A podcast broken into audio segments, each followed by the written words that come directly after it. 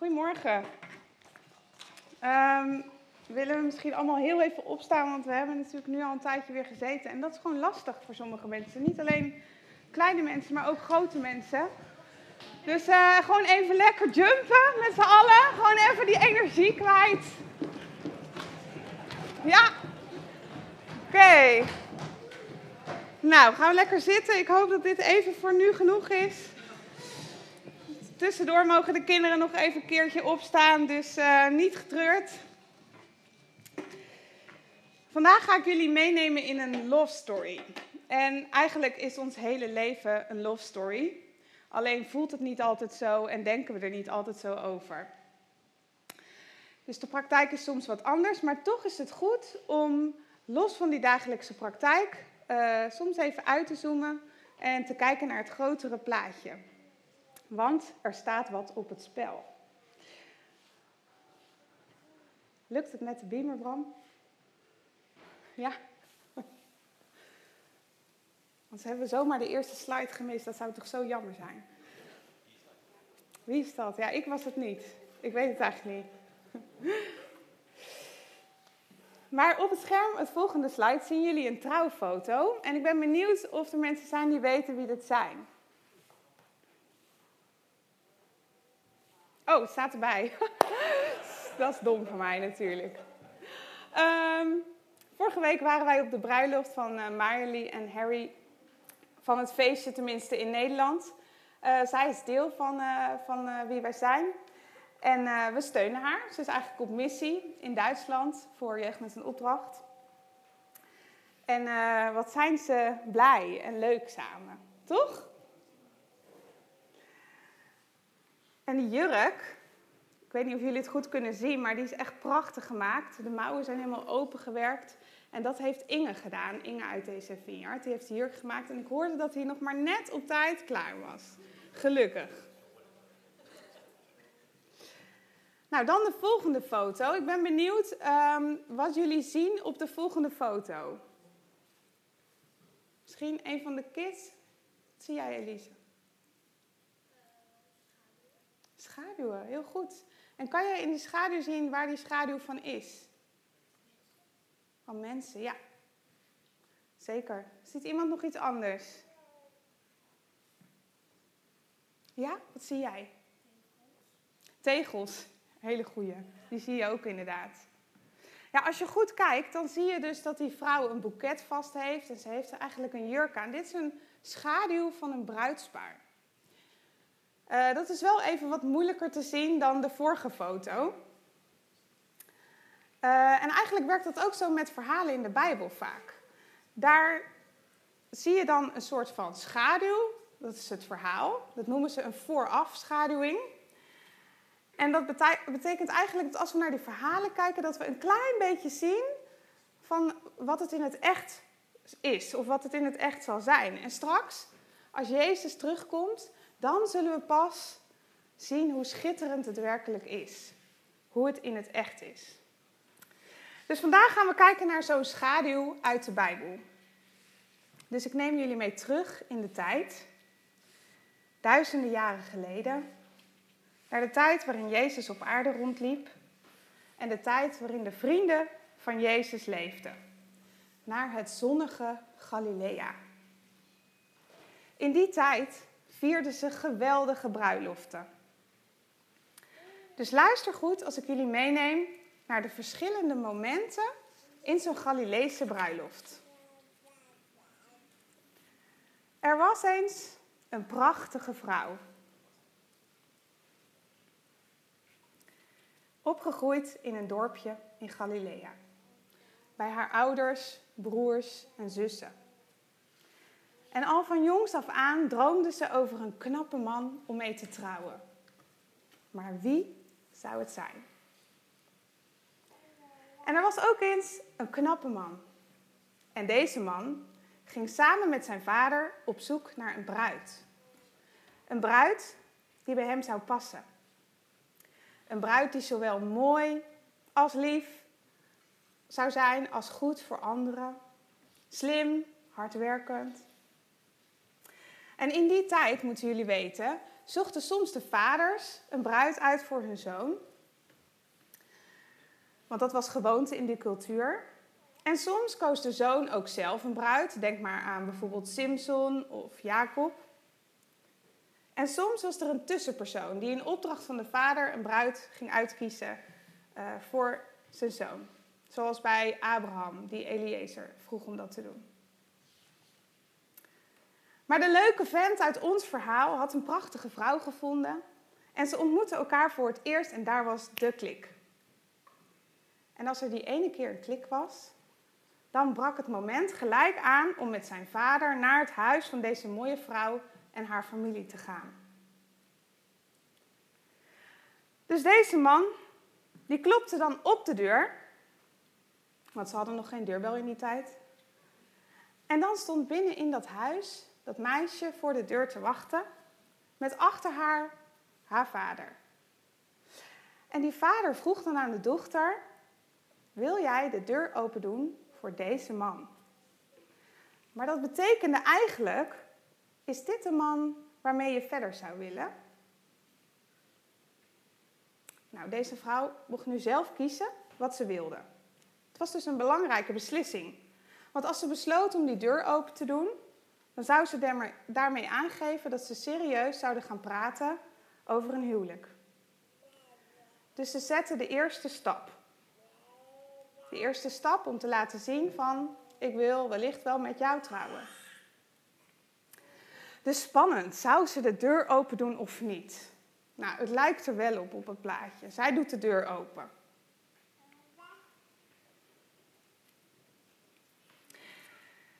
Dan nodigden ze de man en zijn vader binnen en dan gingen ze eerst met z'n allen aan tafel lekker eten.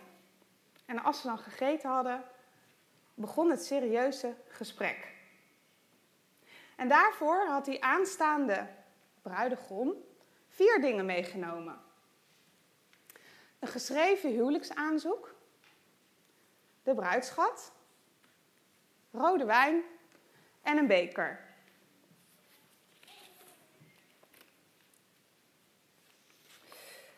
En vanaf nu vinden er in dat ene bezoek bij deze vrouw en haar familie thuis een aantal heel belangrijke momenten plaats. In korte tijd. Waar deze wellicht bruid een aantal keer een besluit moet nemen. Allereerst werd het geschreven huwelijksaanzoek hardop voorgelezen. Dat huwelijksaanzoek kent eigenlijk twee aspecten van bescherming. Aan de ene kant stond beschreven hoe de man beloofde haar te beschermen en wat er voor nodig was bij die bruid om onder die bescherming te blijven. En aan de andere kant stond er beschreven welke erfenis deze vrouw zou krijgen. En dat was ook bescherming voor het geval er iets zou gebeuren in de tussentijd met deze man. Het tweede wat er toen gebeurde, was dat de man een bruidschat aanbood. Maar dat deed hij alleen als die vrouw dus akkoord was met dat hardop voorgelezen uh, huwelijksaanzoek. Dus toen kwam de bruidschat. Een kostbaar cadeau waarmee hij eigenlijk moest laten zien hoeveel liefde hij voor deze vrouw voelde. Dus eigenlijk hoe waardevoller het cadeau, hoeveel liefde hij blijkbaar voor haar had en hoeveel waard dat meisje dan ook was. Heel veel waard. En die bruidschat was er niet om haar te kopen, maar als een soort verzekering. Stel dat er iets zou gebeuren in de tussentijd, dan had de vader van de bruid genoeg geld om langer voor haar te zorgen. En dit was opnieuw een moment van een besluit. Als zij en de vader dit zouden accepteren, maar vooral de bruid, zij mocht beslissen, dan konden ze eigenlijk door naar de volgende stap: het sluiten van het verbond. Dus de bruidegom had de wijn meegenomen en die schonk die in, in de beker die hij ook had meegenomen. En dit was de laatste stap om het verbond te sluiten en te bekrachtigen. De bruidegom reikte de beker aan aan de bruid. En nu mocht zij opnieuw kiezen: neem ik een slok van die beker of niet? Want op het moment dat ze de slok neemt en ervoor kiest om te drinken, zegt ze daarmee: Ja, ik wil jouw vrouw zijn. Ik ben jouw bruid. En de bruidegom zegt dan: Ik zal deze beker niet meer drinken totdat wij weer bij elkaar zijn. Dus vanaf dit moment is de bruid apart gezet voor deze man. Zijn ze al bruid en bruidegom? Ook al gaan ze nu voor langere tijd uit elkaar om zich voor te bereiden. Zij is uit vrije wil de bruid geworden van deze man en heeft zich aan hem verbonden. Aan zijn geschreven aanzoek en aan de schat. Als dit gebeurd is, geeft de bruidegom nog een paar geschenken en verlaat de bruid dan voor ongeveer 1 tot 2 jaar. En ze zullen elkaar pas weer zien op de bruiloft. En ook die beker die hij mee had, laat hij achter bij de bruid. Gelukkig heeft ze dus nog de cadeaus en de beker ter herinnering. Om aan hem te denken in de tussentijd. Maar ja, wat doet ze dan in de tussentijd? De tijd dat de bruidegom weg is en zij moet wachten. Want ze leeft gewoon nog in het huis van haar ouders, maar ze hoort niet meer bij hen. Ze is nu de bruid van haar man en daar bereidt ze zich op voor. En niet door zich terug te trekken uit het dagelijkse leven. Nee, ze praat er juist over met haar familie en haar vriendinnen. En ze praat natuurlijk over haar man en over hoe het zal zijn. Deze bruid begint zich voor te bereiden. Ze is eigenlijk het trotse meisje dat weet dat er een man naar haar verlangt. Een man die veel geld voor haar heeft overgehad. Een man die haar beschermt. En iedereen weet ervan in haar omgeving. Zij hoort bij haar bruidegom. En in die tijd waren er eigenlijk drie belangrijke dingen die de bruid dan deed in de tussentijd om zich voor te bereiden. Eén, ze moest een prachtige jurk maken. Dus ze ging op zoek om te onderhandelen over het beste, fijne, witte, kostbare linnen. Ze tekende het patroon, begon de jurk te maken. En het tweede was dat ze zich moest baden in een speciaal bad met stromend water. Dat noemen ze een mikwe. Mikwa, mikwe. En daar ging ze dan naartoe en dan dompelde ze zich helemaal onder. En dat bad symboliseerde eigenlijk een afscheiding van haar oude leven. En het begin van haar nieuwe leven met haar man. En het derde wat ze deed om zich voor te bereiden, was dat ze zich verdiepte in dat geschreven aanzoek. Ze leerde het uit haar hoofd en ze liet die woorden van liefde en bescherming tot zich doordringen in haar hart. Totdat ze deze woorden uit haar hoofd kende en de woorden in haar hart verankerd waren. En dat was de voorbereiding van een meisje dat in Galilea trouwde. Maar wat deed de bruidegom in de tussentijd? Hij zocht sterke en robuuste materialen. Blijft die hangen? Om een huis te bouwen voor zijn geliefde. Volgens mij moet je nog iets verder, want dit is het leukste plaatje voor de kids, vond ik zelf dan. Het zal wel jammer zijn als we die missen hier. Kijk, jongens. Dus wat deed die bruidegom? Hij tekende een bouwtekening van het huis dat hij ging bouwen. En hij werkte van ochtends vroeg tot avonds laat. En maakte de kamers, ontwierp meubels of kocht hij. En dat huis bouwde hij dan naast zijn vaders huis. En daarnaast maakte hij ook een bruidskamer in het huis van zijn vader. Want dat was voor de tijd van de bruiloft, die zeven dagen duurde. En pas als die bruidskamer in het huis van de vader klaar was en zijn huis helemaal af was, waar hij met zijn bruid zou gaan wonen, dan pas is het moment van de bruiloft.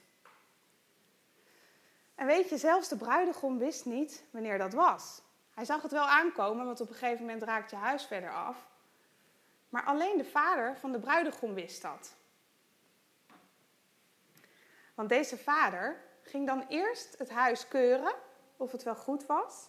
En pas als hij het goedgekeurd had, dan zou hij tegen zijn zoon zeggen: Het is tijd voor de bruiloft. En ook de bruidskamer moest natuurlijk klaar zijn. Op een dag was het zover en de vader was heel trots op zijn zoon. Hij zei: Wat heb je dit prachtig gebouwd? Wat is het mooi geworden? Ik ben trots op je. Ga je bruid maar halen. En dit was het moment waarop de bruidegom zo lang had gewacht. Hij haastte zich naar zijn beste vriend. En de beste vriend rende vooruit met de shofar en daar blies hij op. En de bruid en haar vriendinnen waren natuurlijk gespitst op dat geluid. Want op het moment dat ze de shofar hoorden, wisten ze: de voorbereiding is klaar, er is niks meer voor te bereiden. Het is nu tijd voor mijn bruiloft. En de bruidegom kwam dan altijd aan in de avond. En zijn vrienden droegen fakkels. En de bruidegom gaat tot op de drempel van de deur en grist zijn bruid weg. Dus hij neemt de bruid in een oogwenk mee. En dan zijn de vrienden van de bruidegom, die ze op een draagstoel zetten, het bruidspaar, en die tillen ze naar het huis van de vader. En dan is het eindelijk het moment van feest. Een bruiloftsfeest wat wel zeven dagen duurt. Lijkt me fantastisch. En het bruidspaar wordt op prachtige stoelen gezet met kronen op hun hoofd. En de vrienden begroeten de bruidegom met de woorden: Gezegend hij die is gekomen. Een geweldig feest breekt los. En dit is ook het moment waarop de twee helemaal één worden. Nou kunnen de kinderen iets halen bij Martijn daarboven. Hij staat al te zwaaien. Dus jullie mogen daar even naartoe lopen en dan ga ik ondertussen een stuk uit de Bijbel lezen.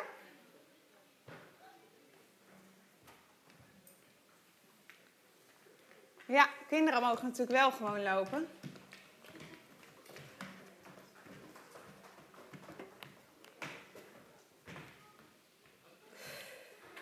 En dan ga ik met jullie lezen uit Efeze 5. Vers 1 start ik. Kinderen die van hun vader houden, doen hun vader in alles na.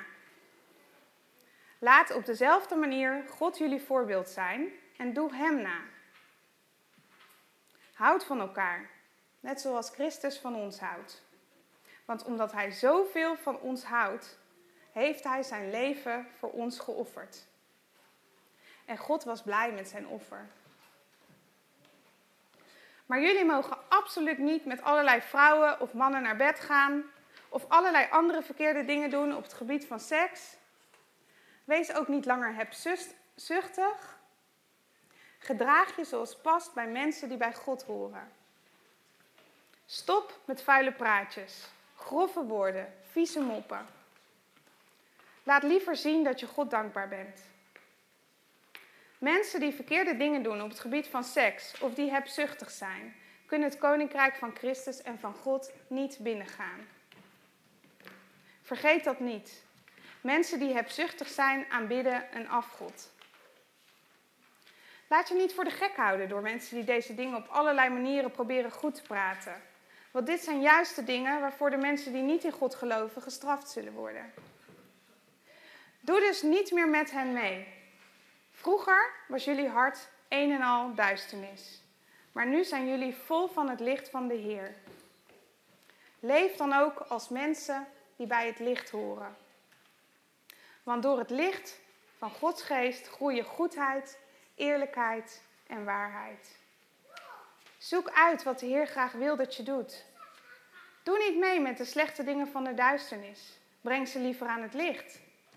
Want de dingen van de duisternis worden stiekem gedaan. En ze zijn bijna te erg om hardop te noemen.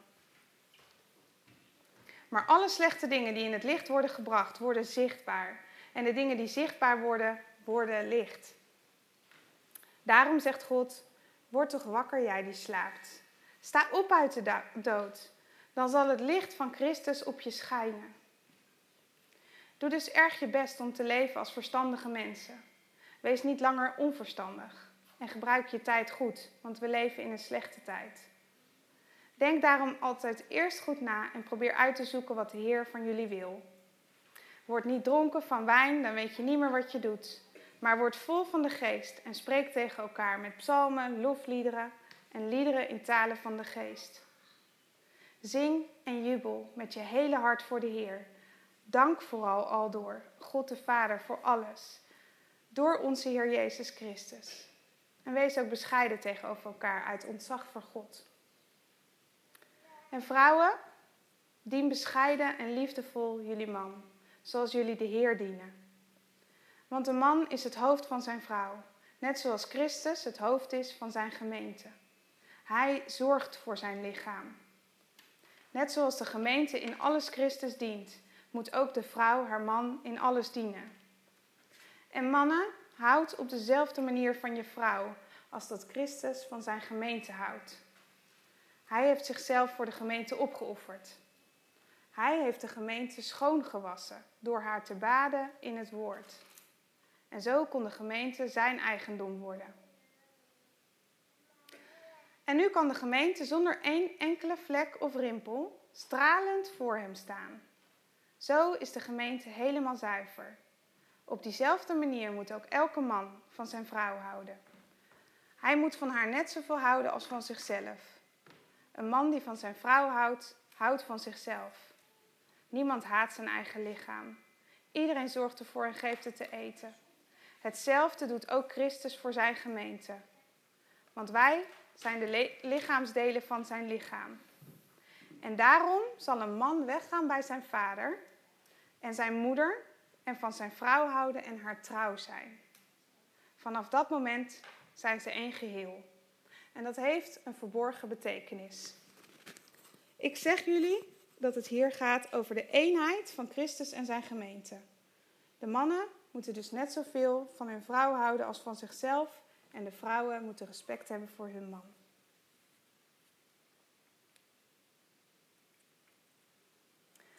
Wat kunnen we nou leren van deze traditionele Galileese manier waarop bruiloften gevierd werden? Jezus verwijst in zijn gesprekken met zijn vrienden regelmatig naar de bruiloft. En ook in andere Bijbelboeken zien we dat er naar die bruiloft wordt verwezen. Dus eigenlijk is deze bruiloft een soort schaduw van onze bruiloft, van onze hemelse bruiloft. En jij bent de bruid. Jullie ieder individueel, maar wij ook samen. Wij zijn de bruid. Dus als die eerste ontmoeting tussen jou en Jezus klikte, dan heeft Jezus geklopt op de deur van jouw hart. In de Bijbel staat: Zie, ik sta aan de deur en ik klop. En een ieder die voor mij open doet, bij hem of haar zal ik binnengaan en wij zullen samen maaltijd hebben. Jezus klopt aan je deur of klopt nu aan je deur en je mag zelf kiezen of je open doet of niet. Als je open doet, heet je Jezus welkom om binnen te komen en geef je hem wat jij hebt. En als je hier zit en thuis meeluistert, uh, zal je waarschijnlijk zijn liefdevolle stem hebben gehoord en je hart hebben geopend. Heb je ervoor gekozen om Jezus in jouw leven te verwelkomen en heb je ontdekt wat Hij jou te bieden heeft. En de stappen die daarna volgen, gaan net zoals in die Galileese bruiloft eigenlijk best wel vlot achter elkaar. Jezus komt met een aanzoek. Mag ik jou beschermen? Mag ik jou apart zetten? Voor mijzelf? Mag ik je heiligen? Ik geef mijn leven voor je. En dit is de erfenis die ik je ook alvast geef. En dat aanzoek met zowel erfenis als een richtlijn voor bescherming hebben wij gekregen in de vorm van een Bijbel. Alles wat je nodig hebt om beschermd te blijven, om niet kapot te gaan, maar juist mooier te worden, staat hierin. En wat je erft als bruid van Jezus staat hier ook in. Voor mannen kan het misschien wat lastiger zijn om zichzelf voor te stellen als bruid. Misschien kan je het als volgt zien dat, zoals vroeger in die tijd, de sterke zich verbond aan de afhankelijke en alles regelde voor haar bescherming, zo wil Jezus zich als sterke God verbinden aan jou als afhankelijke, afhankelijk mens, en je zijn bescherming aanbieden. Nadat we dat geschreven aanzoek hebben ontvangen, is er weer een moment om ja te zeggen. Geloof jij dit aanzoek? Vertrouw je erop dat deze richtlijn jouw volledige bescherming biedt en je uit liefde is gegeven? Als je dat aanzoek accepteert, dan biedt Jezus jou een bruidschat aan. En Jezus heeft de hoogste bruidschat ooit betaald, namelijk zijn eigen leven gegeven. Om jou zich toe te eigenen. Moet je nagaan hoeveel liefde hij voor jou voelt, hoeveel jij waard bent.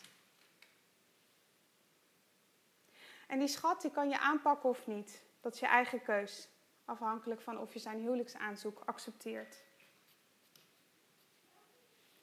Maar als je dat doet, dan biedt Jezus jou zijn beker aan. Zakt hij naar beneden? Oh.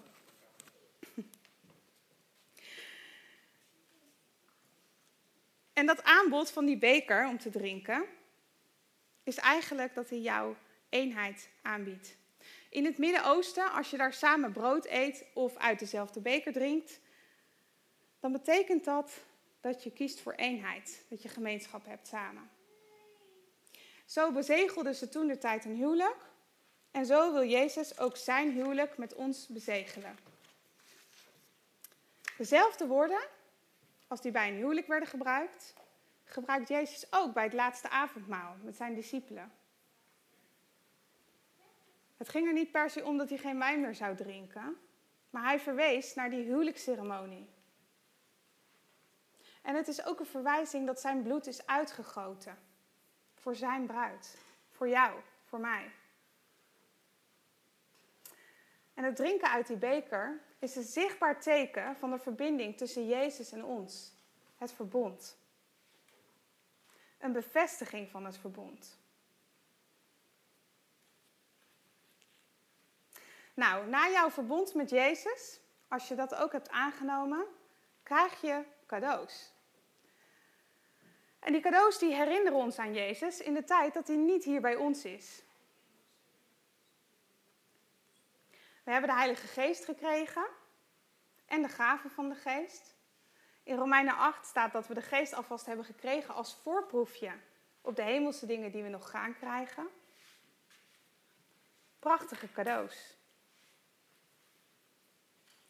Maar wat doen wij in de tussentijd ter voorbereiding als bruid? Want Jezus is naar de hemel gegaan, die is weggegaan.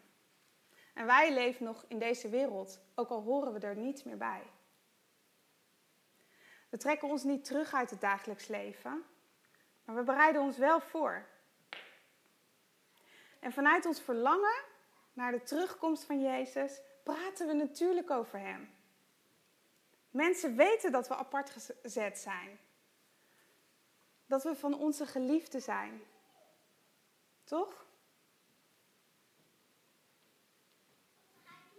Onze voorbereiding mag ook bestaan uit die drie delen, parallel aan de Galileese bruiloft. Reiniging is de eerste. Toen de tijd dat bad, die mikwe, dat is bij ons de doop.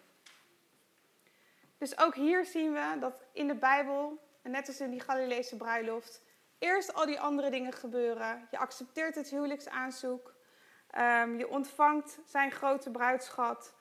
Um, en zijn bescherming. Je kiest ervoor, je zegt zelf ja, je drinkt uit de beker om het verbond te bezegelen. En je krijgt allemaal cadeaus. En dan is het moment om je voor te bereiden, je te laten dopen. Dat is eigenlijk de start van je nieuwe leven met Jezus, de start van je voorbereidingstijd. Het tweede is dat we ons moeten voorbereiden op wat we zullen aantrekken op die bruiloft. Dus we moeten ons kleden. In openbaringen wordt daar ook over gesproken, over die aanstaande bruiloft. En dat de bruid haar bruidsjurk van wit, fijn linnen maakt, helder en schoon. En daar wordt uitgelegd dat dit de rechtvaardige daden van de heiligen zijn. Ofwel de rechtvaardige daden van de mensen die apart gezet zijn voor hem. En deze rechtvaardige daden werden dus niet gedaan om gered te worden, want dat hebben we allemaal al gehad. Die rechtvaardige daden, die zijn er als daden uit liefde voor onze man, om er straks fantastisch uit te zien. Een derde wat we doen ter voorbereiding is uh, die geschreven huwelijksaanzoeken lezen. Die Bijbel. En leren. Totdat we het kennen en onze aanstaande, onze bruidegom, door en door kennen. In Efeze 5 lazen we net dat Jezus ons reinigt door zijn woorden. Hij reinigt ons door het waterbad van zijn woord. Dus als we in zijn woord lezen in de Bijbel, uh, dan kan de geest daardoorheen spreken tot ons. En dan maakt hij ons eigenlijk schoon. Dus het gaat niet alleen om die letterlijke woorden in de Bijbel, in die richtlijn, maar ook om wat de geest ons daardoorheen leert en wat hij ons leert over wie onze liefdevolle echtgenoot is. Dus samenvattend, wat is belangrijk voor ons in de tijd waarin we nu leven? Wachtend op onze bruidegom. Je reinigen door je te laten dopen en afstand te nemen van je oude leven. Je laten reinigen door de Bijbel te lezen met de geest. Rechtvaardige daden te doen uit liefde voor jouw bruidegom. En dit alles in verwachting en met rijkhalsend verlangen. Uitzien naar de komst van onze geliefde. Denk ook maar aan het verhaal over de bruid met de wijze en de dwaze meisjes. Ik ga afronden. Wat doet Jezus in de tussentijd? Hij maakt een plaats voor ons klaar. En hij komt ons halen op het moment dat die voorbereiding klaar is. En alleen zijn vader weet wanneer die dag en dat uur is aangebroken. Dat Jezus ons, zijn bruid, mag komen halen. Dus wat mogen wij nog verwachten? Wat komt er nog aan? Of waar kijken wij naar uit? In de Bijbel staat wel dat we die dag en dat uur niet weten, maar wel dat we aan het seizoen en de gebeurtenissen om ons heen zullen weten wanneer zijn komst dichterbij komt. Jezus zal komen als een dief in de nacht. Hij zal ons in een oogwenk wegnemen aangekondigd door trompetgeschal. Jezus vertelt daar ook over in Matthäus. En ook Paulus herhaalt dat in de brief aan de Corinthiërs. En als het eenmaal zover is, dan begint onze bruiloft. En ik hoorde zoiets als een geluid van een grote menigte. En als een gedruis van vele wateren. En een geluid als van zware donderslagen. Halleluja, want de Heere, de Almachtige God, is koning geworden. Laten we blij zijn en ons verheugen en Hem de heerlijkheid geven. Want de bruiloft van het lam is gekomen en zijn vrouw heeft zich gereed gemaakt. En het is haar gegeven zich met smetteloos en blinkend fijn linnen te kleden. Want dit fijne linnen zijn de gerechtigheden van de heiligen. En hij zei tegen mij, schrijf. Zalig zijn zij die geroepen zijn tot het avondmaal van de bruiloft van het Lam. En hij zei tegen mij: Dit zijn de waarachtige woorden van God. Amen.